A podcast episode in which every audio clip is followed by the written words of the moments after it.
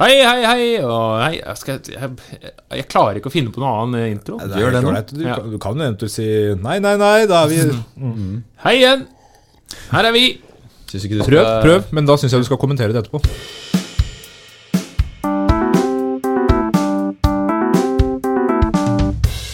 Den gang da. Hei, og velkommen til Den gang da.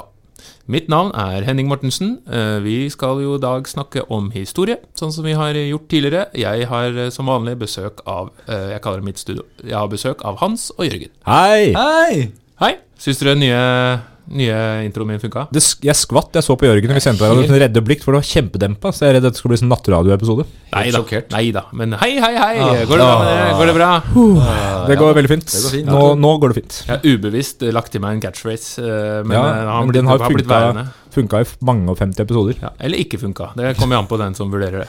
Det er mulig at, uh, at det blir sånn eh, Det blir dårlig stemning blant uh, lytterne der ute hvis ikke den Eller Ja, omvendt, at vi nå piker. At folk, folk nå begynner å anbefale det for hverandre fordi introene Altså ikke introen, men ja. Nå mangler det bare en ny sang. Ja.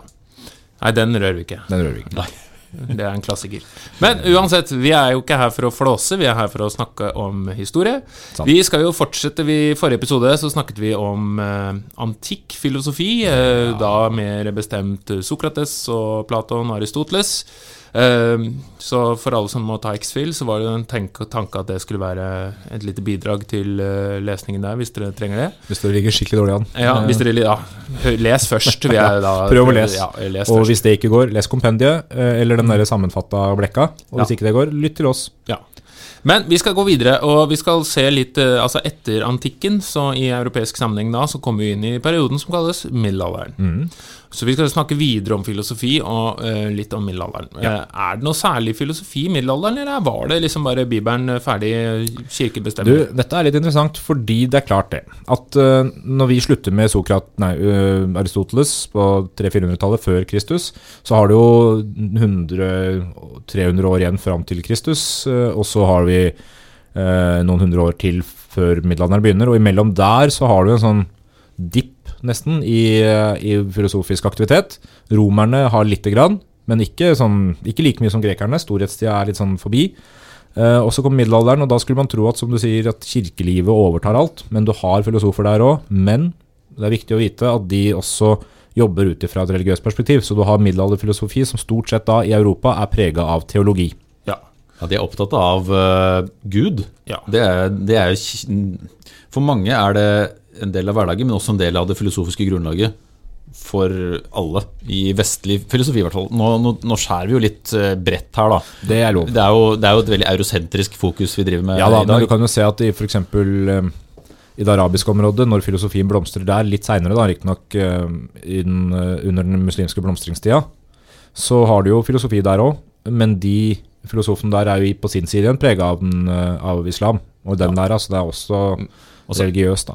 Så er det, det er jo kanskje feil å si at man har Altså at filosofi dukker Altså Man kan jo anta at mennesker alltid har Det filosofert. har alltid tenkt. Men i den forstand det er satt i system og, Og de store har tenkerne vi husker navnet på, ja. Ikke sant? Ja. De som på en måte har pekt seg ut som viktige, og det er jo flere selvfølgelig enn de vi rekker å være igjennom. Det, Det er også klart. kanskje viktig å, å påpeke. Men, fordi, men middelalderen, ikke sant? det kalles jo middelalder nettopp fordi det fra renessansen utover ble opplevd som en sånn nærmest nedgangsperiode, da, for man Ja. begynner igjen å ta opp igjen antikke idealer mm. antikke Men det- inspirasjon fra antikken. Så, så var det The Dark Ages, som det heter på engelsk? Nei, eller fordi, var det det, det kommer jo an på perspektivet, da. Mm. Fordi eh, Hvis man snakker om f.eks. filosofi, så er det jo nedgangstid hvis man ser det fra et ikke-religiøst perspektiv.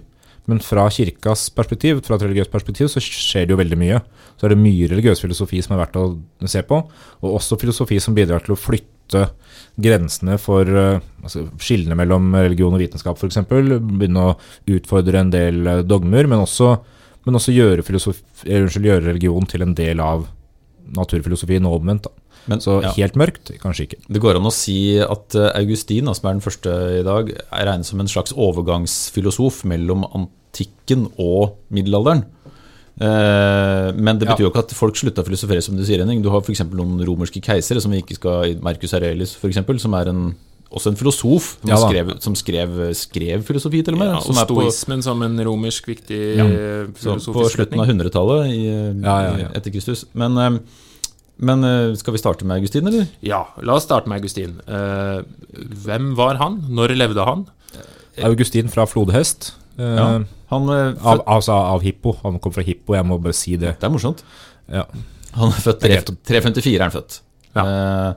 døde 430, så han er i det tidsrommet, da. Ja, så Han er jo egentlig i brytningspunktet han, eh, mellom antikken og middelalderen, altså Ja, i ja. den urkirkelige tiden. Og han skriver jo også mye om akkurat det brytningspunktet, for han skriver en del om Roma, romerstaten, og ikke minst romerske dekadensen, og han angriper romerne Altså eh, ting veldig. går nedenom og hjem. Ja, og han, han angriper dem, altså skylder på dem for at Romerriket går nedover, altså skylder på, på måte, livsstilen deres og sånn, som han ikke mener sømmer seg i et uh, Han var jo ikke helt på viddene. Nei, han var ikke det. Altså, litt eh, mye forbrukskultur Men, à la eh, ja. moderne Amerika. Men hva er det som gjør han til en, eh, altså en filosof og ikke bare en teolog?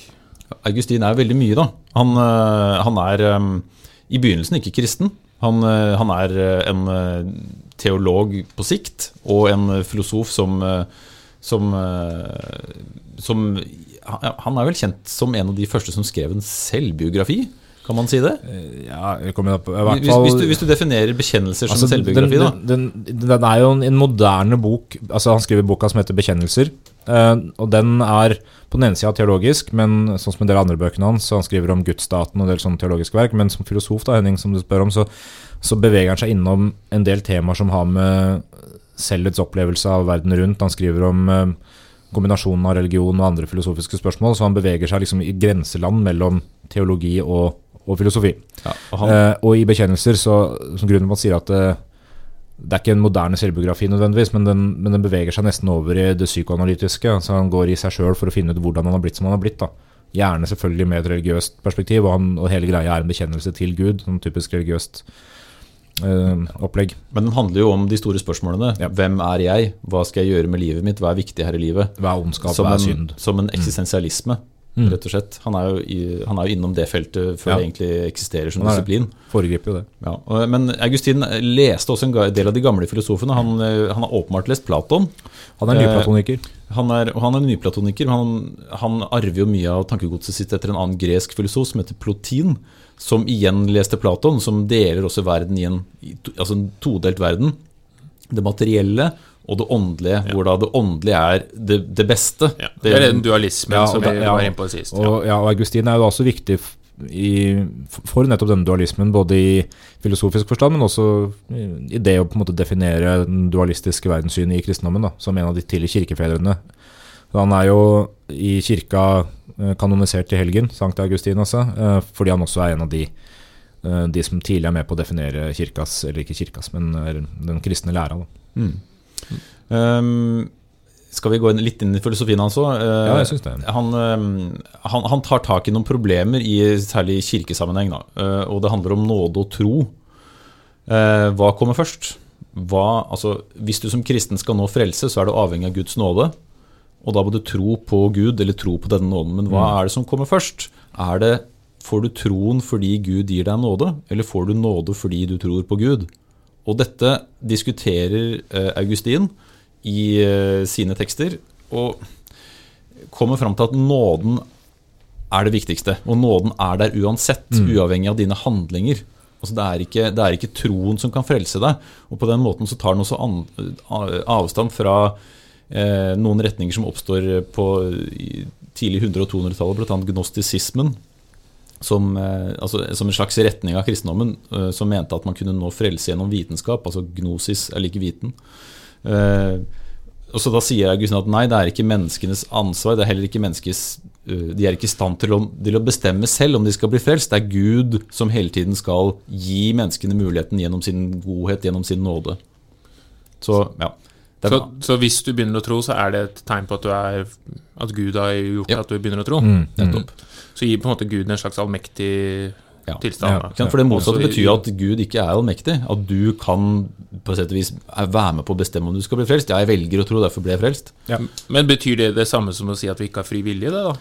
Ja, han, eh, Dette er jo et vanskelig spørsmål å svare, å svare på, og Augustin gjør ikke det fullstendig heller. Fordi eh, det handler jo om at du blir, du blir veldig passiv hvis ikke du kan eh, Hvis ikke du kan handle, altså hvis, hvis det er samme hva du gjør, så er jo poenget med fri vilje eh, helt borte. Men han, han kommer helt eksplisitt inn på det her om fri vilje. Menneskene har fri vilje til å synde, men ikke fri vilje til å tro. Så det er der måte, begrensningen i den frie viljen går. Og troen får du gjennom nåden. Ja. Det kan jo samsvare litt med altså, Hvis du hører altså, helt opp i dagens i samfunn hvor folk forteller om å bli frelst som en sånn utenfra-inn-opplevelse. Som en nådegave. Det er noe som Ja, kommer utenfra. det. Jeg mm. altså nærmest så lyset, da. Det var et lys å se i det hele tatt. At du, du er ikke den som nødvendigvis tar valget. Valget blir tatt for deg. Ja. Men Augustin blir veldig viktig for hele den kristne tenkningen fra eh, helt fram og gjennom middelalderen og helt fram til Luther, som vi kan komme inn på Ja, ja. etterpå. da.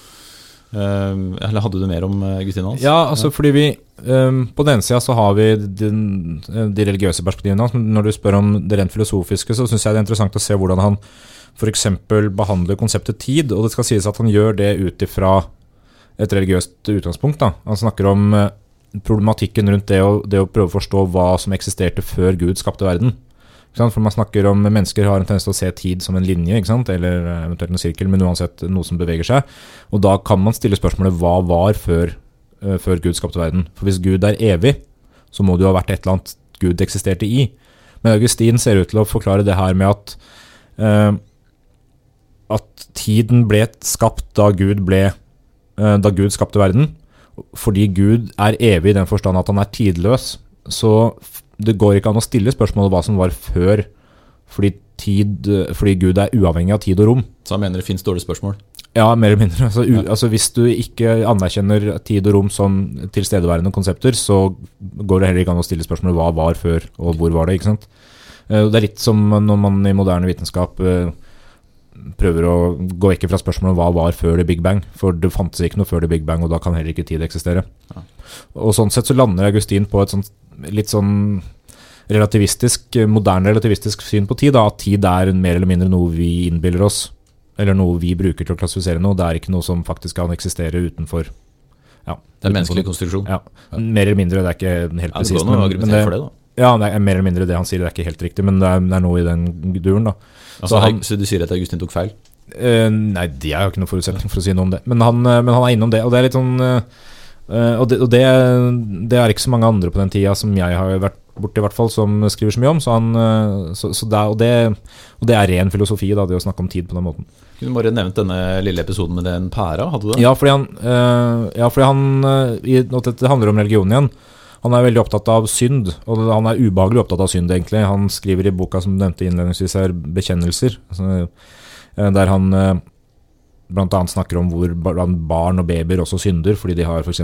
tanker om at de vil ha ting som ikke er deres og sånn, og han, han har ikke det perspektivet på at barn er utvikla på den måten. Han bare tenker at det er synd, da, og lander jo på det, den løsninga at mennesker er syndige av natur, eh, som er en ganske depressiv tanke. Men han, han skriver om det, fordi for ham så er synd noe han eh, han kobler til en situasjon han eh, opplevde i ungdommen. Og så skriver han hvor han reflekterer rundt denne synden han hadde gjennomført. Da. Hva var det som fikk meg til å elske deg, mitt tyveri, du nattlige udåd som jeg øvde i mitt 16 år? Han er jo 16 år, og så gjennomfører han endelig tyveri, da.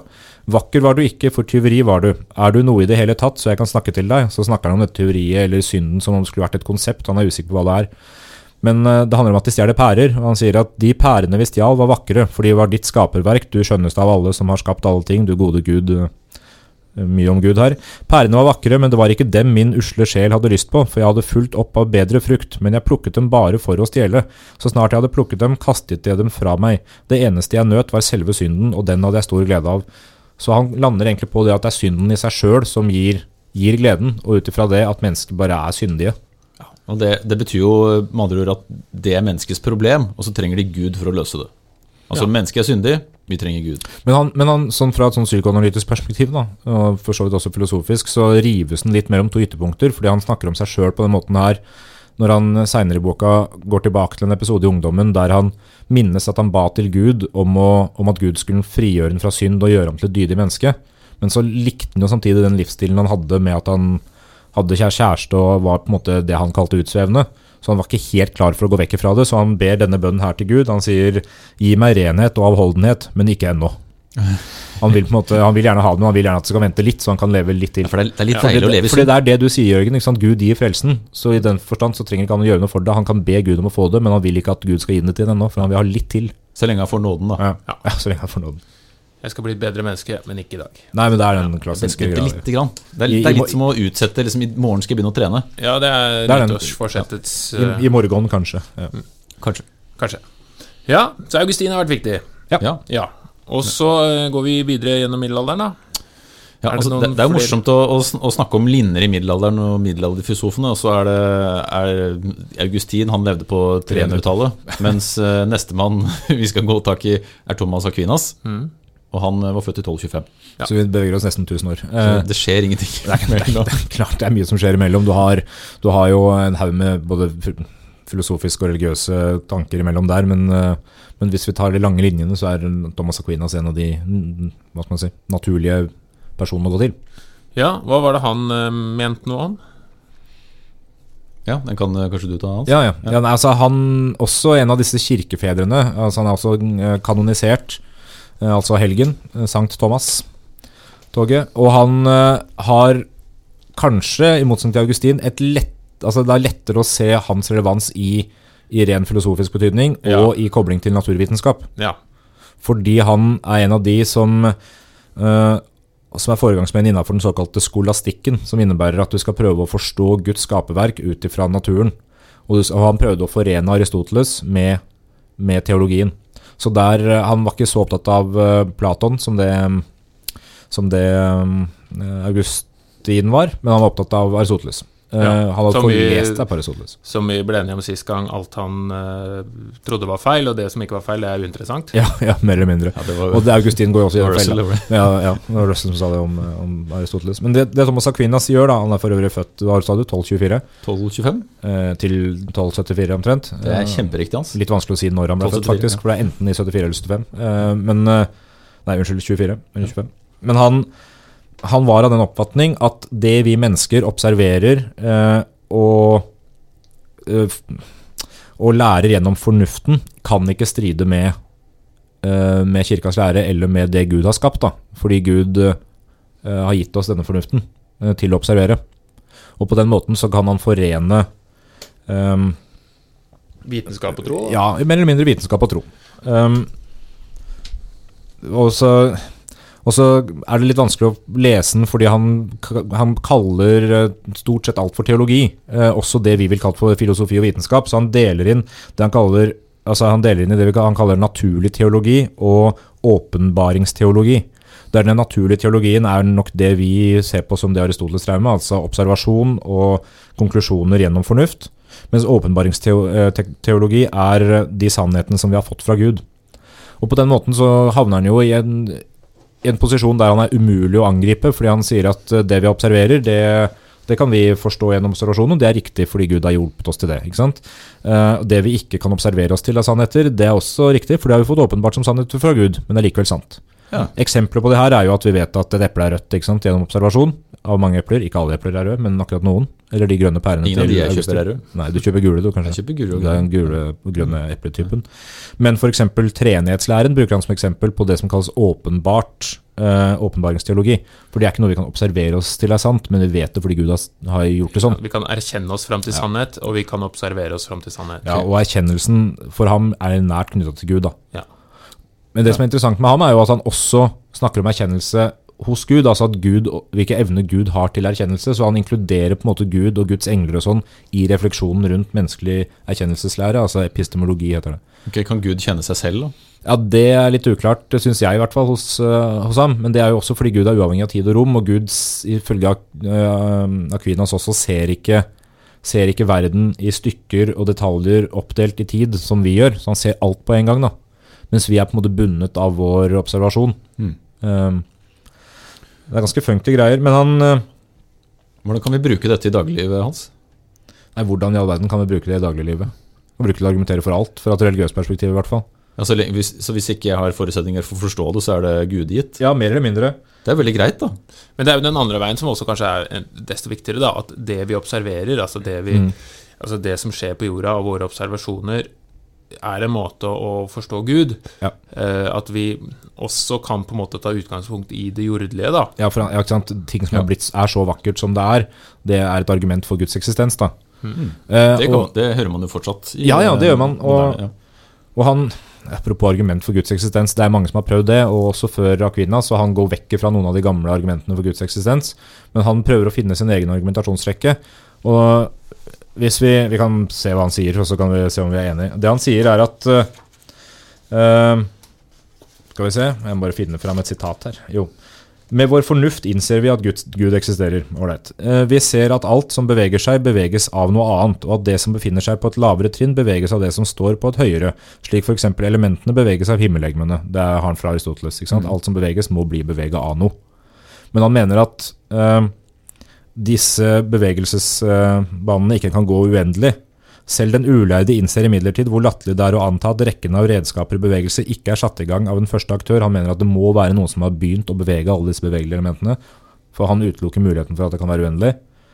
Ehm, Det ville være som å forestille seg at når man skal lage en kasse eller en seng, kan eh, sagen eller øksen arbeide uten noen snekker. På samme måte må det være en første beveger som er over alle de andre, og denne første beveger kaller vi Gud. Og det er den bevegeren som er uten beveger bak seg. Så Gud er den eneste beveger som ikke har noe som har bevega ham. På sånn måte da, så, så, så slekter han på Aristoteles sin Ja. tillit til å observere og lage Mm. kunnskap av det. Ja. Og så øh, følger han jo opp noe som øh, også vitenskapsrevolusjonens tenkere øh, også var enig i. At øh, årsakene til det som skjer, er ikke nødvendigvis noe de kunne gi svar på. De kunne, de kunne observere verden og forklare hvordan den så ut, Mm. men hvordan ting hadde blitt satt i gang, det tok de ikke i før på 1700-1800-tallet. Og Og så for, for å forsøke å forklare hvorfor, men de forklarte hva. Og det er jo den åpenbare kritikken egentlig av uh, Aquinas, jeg synes den er åpenbar i hvert fall, og alle andre middelalderfilosofer. Det er at de, de vet svaret på forhånd ikke sant, før de går inn i å stille spørsmålene. For de vet at svaret, hvis de ikke klarer å finne det i naturvitenskapen eller filosofien, så kan de vise til at det står i Bibelen. Så de har på en måte det utgangspunktet at de, at de skal på en vis bevise noe som allerede er bevist av Gud. da. Her er, her, er, her er konklusjonen. La oss finne bevisene. Ja, ikke sant? Eller en Ja. Her er eh, Nettopp. bevis. La hva er konklusjonen'. Ja, ikke sant. Og når du Ja, det er, det er, noe der, da. Og når du nevner i stad det med at, at han prøver å forstå Gud gjennom det vi observerer rundt oss, så, så er det jo noe med det at han Han sier at den naturlige teologien, altså studien av verden, leder oss mot Gud, eh, fører oss til Gud, mens den åpenbarte eh, teologien, altså det, det vi ikke kan forklare, det er noe som Gud har gitt til oss. Så det er liksom to veier der. da. Det er både oss mot Gud og Gud til oss. da. Men det er jo fascinerende, fordi altså, i middelalderen så er jo også en tid hvor Bibelen er jo det som på en måte er svar Ja, ja. på de aller fleste spørsmål, men det er jo en del ting som Bibelen ikke kan svare på. Ja. Ikke sant? Altså, hvorfor hopper en frosk, liksom? Eller hva, nettopp. Uh, hva er det som skjer når du blir syk? Eller altså, sånne helt konkrete, jordelige ting. Mm. Det er jo ikke nødvendigvis svar i Bibelen. Nei, men det å, og det å forene disse her, det bidrar jo til, på sikt i hvert fall, å gjøre kanskje kirka mer mottagelig for nye strømninger. Som også er grunnen til at kirka har overlevd så lenge som den har gjort. fordi Ja, Uansett hvor gammeldags vi ser på den kirkeordninga som, så er det en erkjennelse at de har endra seg i takt med tida. Ja, og De tok jo opp, de siste eh, opp i seg Aristoteles sin tankegang. Blant Ja, De annet. gjorde det bl.a. gjennom Ja, men- Aquinas, da, men selv om Aquinas blei uglesett av kirka til å begynne med, fordi de ikke likte å se for seg at det kan være noe rett i det folk som ikke er kristne, har sagt, og fordi han var inspirert av. Men men kan man gå så langt som å si at han foregriper en slags humanisme her? En tillit til at menneskene kan skaffe, fremskaffe egen kunnskap? Ja, det kan vi kanskje si. Altså, han er jo da inspirert av Aristoteles humanisme, eventuelt. Og bare altså, Den katolske kirka etter hvert trykka han jo såpass mye til sitt bryst at det ble bestemt i 1879, tror jeg det var, gjennom pave...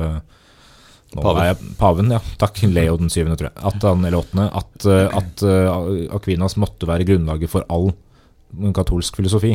Så de skulle ikke ha lære som stred med Aquinas. Det er, om- det er omtrent som å sette den på lik linje med Bibelen, liksom. Og det begrenser jo også mulighetene for nytenking. Litt usikker på hvordan det er i dag, men eh, Ja, et lite sideskritt om Thomas Aquinas, som eh, også er, har med Augustin å gjøre, fordi de skrev om forskjellige ting. eh, teologi, men de skrev også om andre ting, bl.a. Ja. Uh, noe jeg kom over her i går, og det var at de, de utarbeider regler for krig. Altså, hva er, hva er en moralsk riktig krig? Og de, de ligner på hverandre. Vi kan bare ta Kvinnes, Da. Han mener f.eks. at det er lov å krige hvis eh, hvis det er en rettferdig krig mot det onde, og du kjemper for det gode Ja. Det, det er jo alle som har kriga noensinne, Ja, altså, mener jo det. Det er utrolig subjektivt eh, tankesett. da det, så Ja. Årsakene til krig må være rettmessige, f.eks. som et resultat av det motparten har forårsaket. Ja, men Det er jo et godt argument for korstog. Ja. Også, også, men han sier også i tillegg så må man bare utøve krig som siste utvei. Ja, det er fint. Og på den måten så ligner han jo på Sun Tzu. Eh, jo, var det ikke Sun Tzu? I, eh, som også snakker om at du må eh, Det er forberedelsen som avgjør om du du kriger. Eh, riktig. Og det er bare som siste utvei at du bør utøve krigen i det hele tatt. Ja, ja. Han ble for øvrig Han ble sendt i kloster da han var guttunge. eh, Benediktinerkloster. Men så, Stakkars. men så Ja, det, er ikke bra, det, eh, i moderne øyne. Men så fant han ut etter hvert at han ville bli dominikanermunk isteden. eh, Og da stakk han av til det klosteret, og foreldra ble mugne, så de kidnappa han fra det klosteret. Men jeg husker ikke helt veien videre, men han endte opp i Paris. Altså, det, det var greit at han var i kloster. Ja da, så de, de, Var de, de som sendte den, med riktig kloster, skal vite. Dominikanerne var vel nyere. Men han, men han er jo, sånn livet hans er jo også et uttrykk for den, den slutten av, altså den delen av middelalderen, høymiddelalderen, skjærmiddelalderen, hvor vi ser at utdanningssystemet og sånn begynner å blomstre opp, fordi han, han får utdanninga si annet i Paris, og møter en haug med folk som kommer fra andre deler av verden enn han, mer eller mindre i hvert fall, Tyskland og Frankrike og sånn, han var fra, han var fra Italia sjøl. Eh, som, så den sosiale mobiliteten og utdanningsmulighetene hadde blitt større da, for uh, rikfolk som han da, mm. på den tida. Den gang da. Så går jo verden videre, og da er jo liksom 1200-1300-tallet kommer jo inn i, inn i reformasjonen og Nei, reformasjonen, sier jeg. Altså René Hansen. René, René Hansen, ja. Renessansen, når man begynner å, å, å plukke opp antikke filosofer i større grad. og man har, De er jo ikke forsvunnet, men humanismen sprer litt mer seg, handelen og sånn øker, og kunst og alt det der. Eh, men vi skal inn på neste liksom virkelige brytningspunkt, eh, reformasjonen. Ja. Fordi det er jo, Vi har jo vært mye nå inne i kirkeverden, og er det noe som virkelig røsker rota opp fra grunnen, så er det jo reformasjonen. ja. Eh, aller først, da, hva er liksom reformasjonen? Reformasjonen er en eh, konflikt først og fremst innad i kirken. Om, eh, I utgangspunktet så er det jo Martin Luther som forbindes med reformasjonen. Eh, og hans kritikk mot eh, den eksisterende kirken var at de Den var flerdelt. da. Blant annet var det mot den såkalte avlatshandelen. At, man, at kirken sa til folk at man kunne kjøpe seg fri, eller i hvert fall forkorte ned tiden i den såkalte skjærsilden. Altså sted hvor du gjorde opp for dine synder før dommen. Eh, og ikke bare for deg, men også for dine avdøde slektninger. Og dette tjente kirken masse penger på. Ja. Eh, Man sier at dette er en av de, det er, vel Tetzner som, eh, som regisserte dette, som regnes som å være en av de aller beste selgerne gjennom historien. For han klarte å selge inn dette budskapet, og med det finansierte han Peterskirken bl.a. på sikt. Og det handler jo om at, at kirken da mm, kanskje, ifølge Luther, da, går utover sitt mandat. At folk kan ikke betale seg til frelse. Det var noe av kritikken hans. Ja. For nå, nå har vi jo snakket både Altså Aquilas og Augustin er jo på en måte de, de forener jo på en måte sin filosofi med det som da er jo den katolske kirken. Ja. Og det har jo vært brudd i kirken før, med den ortodokse og den katolske, men nå er vi jo liksom i Europa i vest her. Og, og, og, og reformasjonen er jo, er jo ikke bare en forening av nye tanker Nei. satt i system sammen med den katolske kirkes trossystem. Det er jo et brudd, ikke sant, i større grad.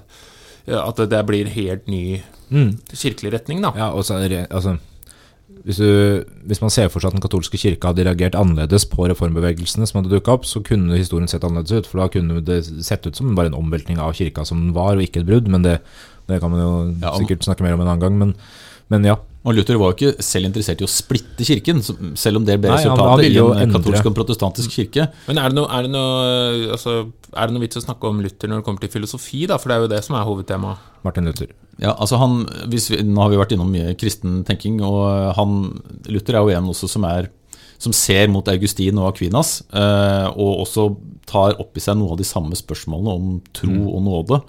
Eh, og noe av det han gjorde rent konkret, var at han ville tilbake til kildene igjen. Altså Du nevner eh, renessansen her, Henning. Og han er jo en som også tenker litt på den måten. Det er ikke at man har glemt Augustin heller, men, men han vil på en måte tolke kirken på nytt. Tolke hvordan man skal utøve troen. Og han mener at den katolske kirken ikke gjør det på den rette måten. De blander for mye inn deres tradisjon, mens Luther vil tilbake til Skriften, sola scriptu. Altså Skriften alene skal definere hvordan du skal utøve troen din. Og det, Hvis vi trekker det opp med det litt mer sånn dualistiske verdenssynet, da, altså, hvor den katolske kirken jo har satt seg selv imellom den åndelige og den verdenslige verden, og sier at for å komme til den åndelige verden, så må det gjennom oss. Ja. Hvis Luther sier nei, det er en mye mer direkte kontakt mellom det verdslige og det, og det åndelige. Da. Du, Ja. kan, altså, du kan gjennom studiet av Bibelen og bønn komme i mer direkte kontakt med Gud. Det er en mer direkte linje, da. ikke sant? Kirkens rolle da blir mm, ikke så viktig, om du vil. Nei, de religiøse handlingene blir sekundære eh, bak troen. Da. Ikke? Din, din nærhet til guddommen er større og viktigere enn enn hva du gjør i kirkebygget. Eh, ja, og Augustin han, han er kjent for mange ting, da, men han er jo Nei, sa jeg Augustin? Luther. eh, blant annet sine teser. Som uh, i historien sier at han Han hadde både kontra-proteser. at han Ja, morsomt. Han, han snakket om at han, han ville på en måte lage et sett med regler da, om hvordan du skal tro. Uh, og Noe av dette handlet om at man skulle tilbake til kildene, og at man skulle uh, at, at, det, at det er det indre troslivet som er sentralt for frelsen, som du, du nevner, Henning. Uh, ja, ja, ja. Ja, og det er jo viktig her da at altså, reformasjonen det går jo overraskende fort, hvis du ser det i historisk perspektiv. I, liksom, I løpet av 100 år så er det jo noen verdenskrig, altså 30-årskrigene og, og det er stater som går helt vekk fra, fra den katolske tro og, og adopterer den lutherske eller den protestantiske tro.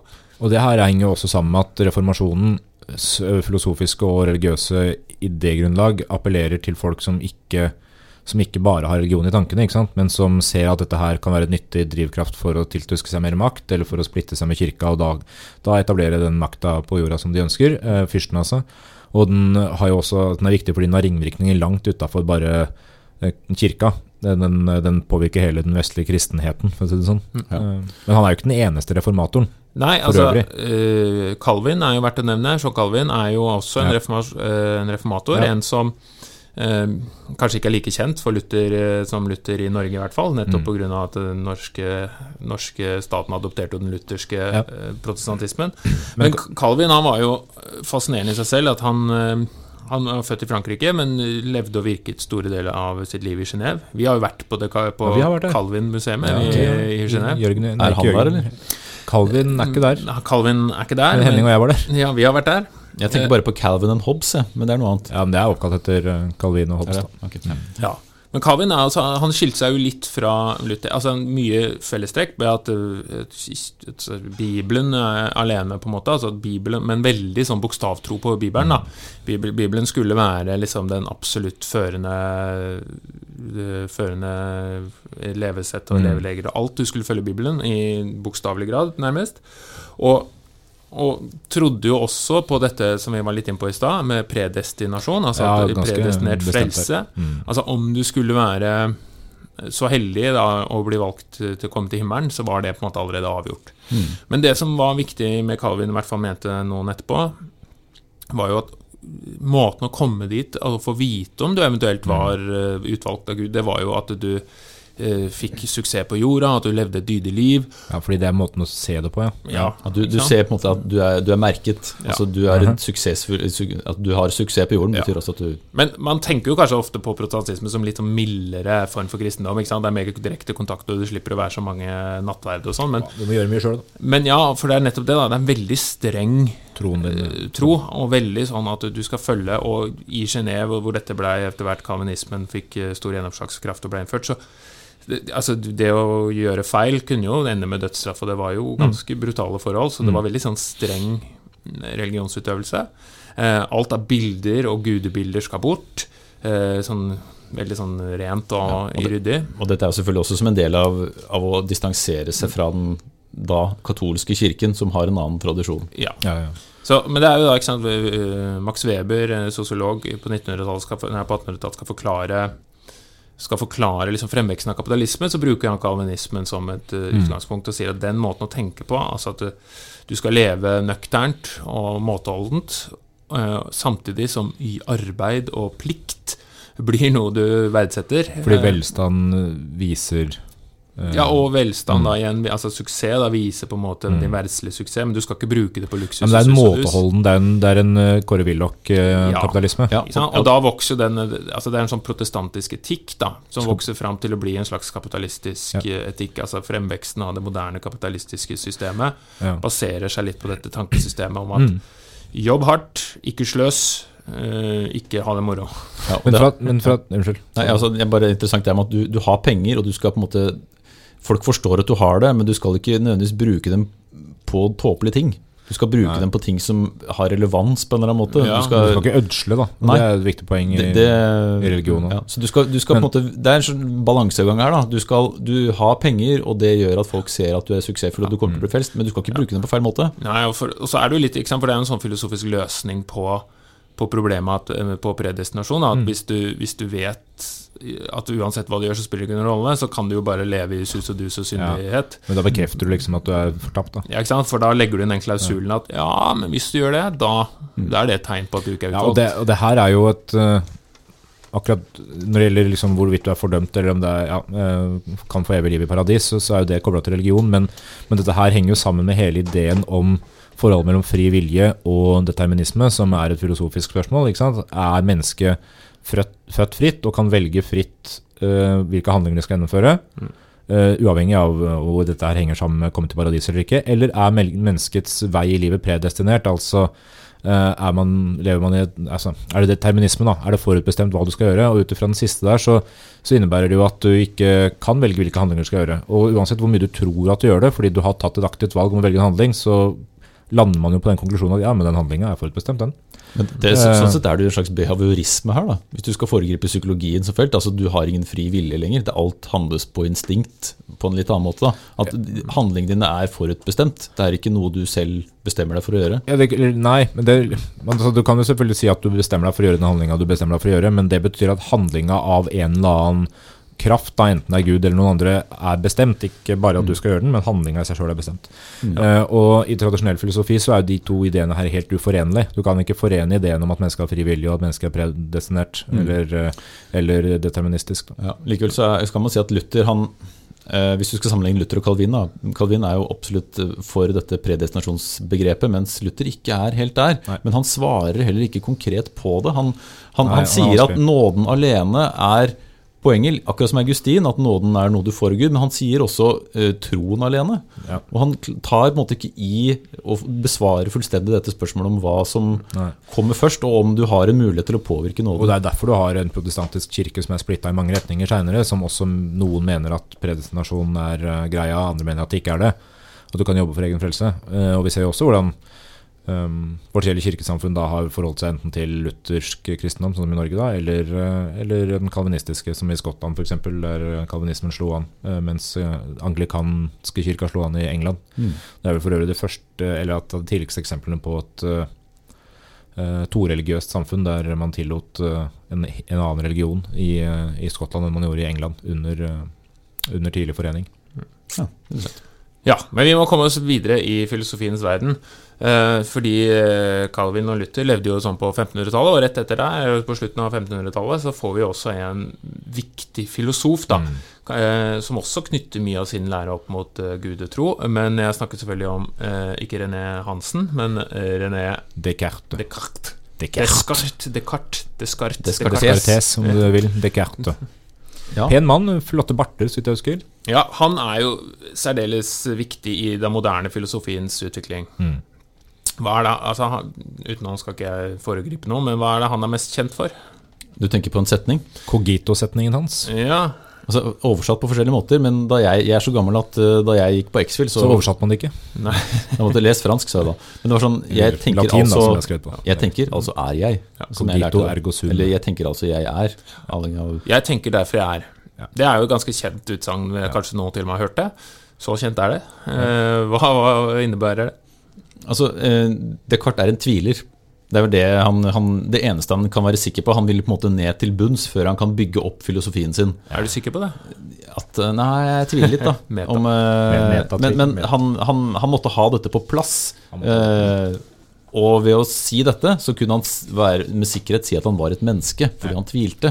Og da kan man si at et menneske med sjel har stand, eller er i stand til å tvile. Derfor er jeg et tenkende vesen, derfor finnes jeg. Og man kan jo bli litt gæren av en sånn type mm, filosofi. eh, men eh, føler dere dere som mest levende når dere tviler?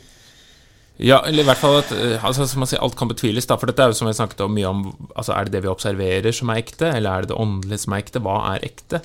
Og hvis du Ja, ikke sant? For hvis du sier at alt kan være en illusjon, da, og, og knyttet opp mot i dagens samfunn, hvor det fins jo ganske høytstående eller kjente folk da, som er inne på tanken om at eh, vi lever i en, eh, i en slags virtuell Matrix-tilværelse.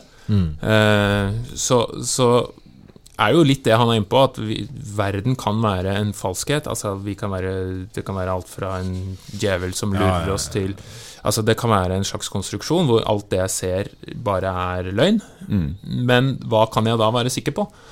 Ikke sant? Og da komme til den konklusjonen at siden jeg tenker, så må jeg i hvert fall eksistere. Ja, eksistensen din bevises gjennom at du faktisk tenker på den. Ja. Eh, vi kan også beskrive Descartes. Da. Han, eh, Ja, gjør det. Siden, Eh, vi altså, først snakker om jeg vet ikke hvor gamle dere er, men da jeg gikk på X-Fill, så hadde vi denne boken av Arnfinn Stigen som heter 'Tenkningens An- historie'. Arnfinn, Anfinn, unnskyld. Arnfinn. Anfinn. Hadde du den, Henning? Vet du ikke hvor gammel jeg er, Hans? Nei, Jørgen? Du er eldre enn meg, du. Har du ikke det? Nei. Hæ? Jeg husker ikke. Hadde du Anfinn Stigen? Eh, nei, det husker jeg. Så det, er en, det, er en, det er en murstein for en 19-åring. Eh, den er ikke så tjukk nå som jeg husker. Den blir bedre og bedre jo eldre man blir, kanskje. Men eh, han, han beskriver Descartes gjennom en maler som heter Frans Hals. Han malte et portrett av ham, og så skriver han det på den måten. Portrettet viser oss en person som så visst ikke er noen enkel sjel. Blikket røper en fjern, grunnende, innadvendt karakter. Munnen er fast og avslører den praktiske, kloke verdensmann, men over det hele hviler noe utgrunnelig. Slik er også hans filosofi.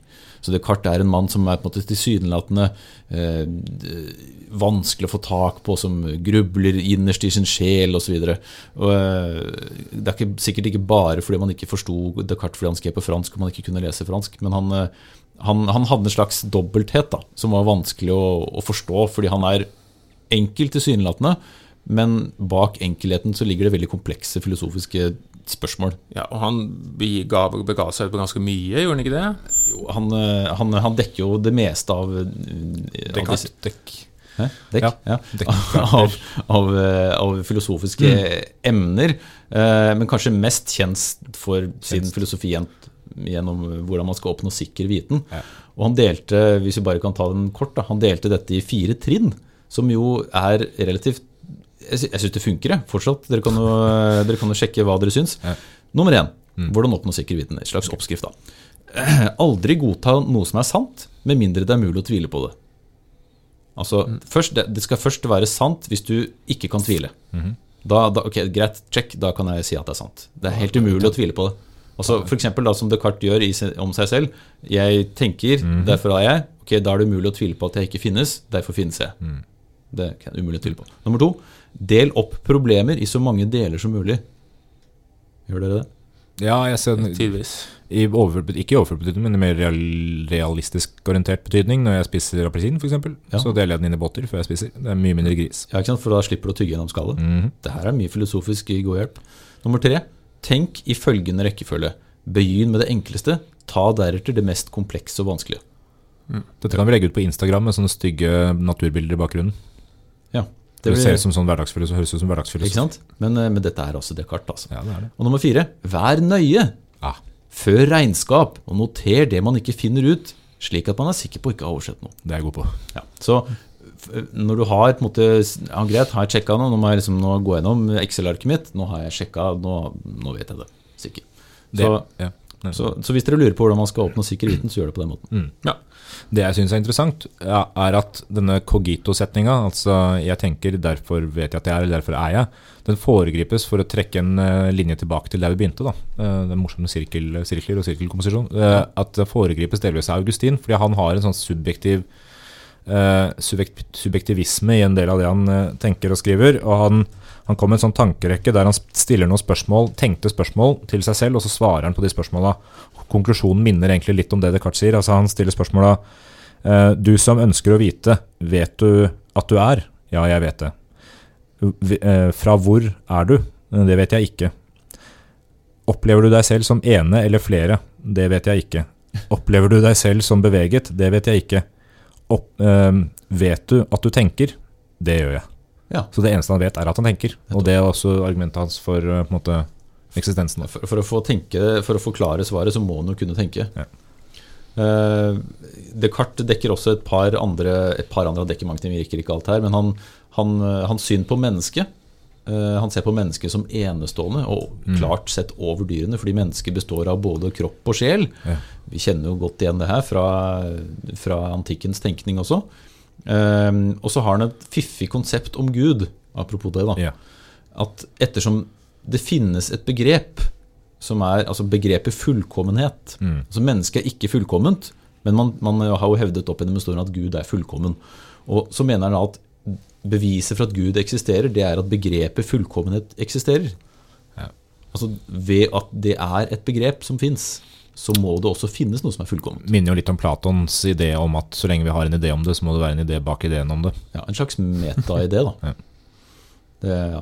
Men hva, har jeg, er det mulig jeg har drømt dette her, eller uh, lest om en annen filosof i fylla og ikke jeg tar- har rett til noe, men prøvde, mente Descartes at han kunne bevise Guds eksistens, men nei, unnskyld, at han kunne bevise at mennesket potensielt hadde evig liv, men at han ikke rakk å bevise det før han døde. Det er I så fall er det kjempegøy, at han trodde han kunne bevise menneskets evige liv, men døde før han rakk det. Det, ja, så han sa det akkurat, og så fikk han uh, Jeg spør deg, siden du er Nei. Descartes-eksperten. Men eh, jeg er ikke en Descartes-ekspert, men jeg kan i forklare hvordan han døde. Ekspert. Hvis det er interessant. Ja, Ja. det, er, Ja. det er på grensen. Kommer an på åssen han døde. Ja, fordi- jeg vet ja, hvordan han så det er han, han, eh, han ble, ikke, han ble ikke sånn veldig gammel, ble sånn ganske gammel. Altså ble 54, hvis jeg Han ble regner riktig. voksen. Han ble godt Eh, voksen. og han, mot slutten av sitt liv, i 1649, så ble han invitert til Sverige av den unge dronning Kristina, som, som historien sier. Eh, fordi hun ville lære om eh, filosofi. Kaldt i Eh, Sverige, ikke Hæ? Det er kaldt i Sverige. Ja, det, altså, En biograf beskriver det i Descartes sine øyne som Sverige som bjørn, bjørnenes, isens og klippenes land. Det høres så vakkert ut. Eh, og i Sverige så var det ja, Det var kaldt da, på dette slottet som han eh, måtte oppholde seg på.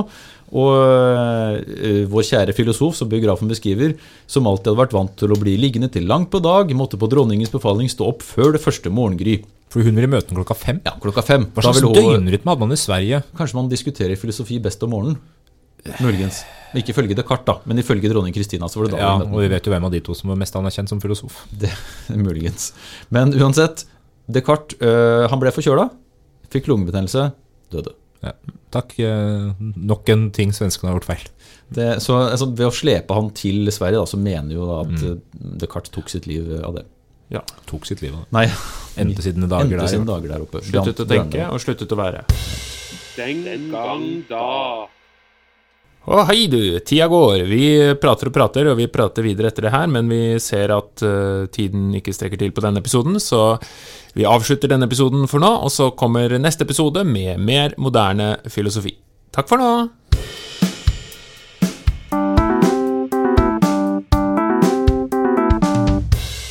Den gang da.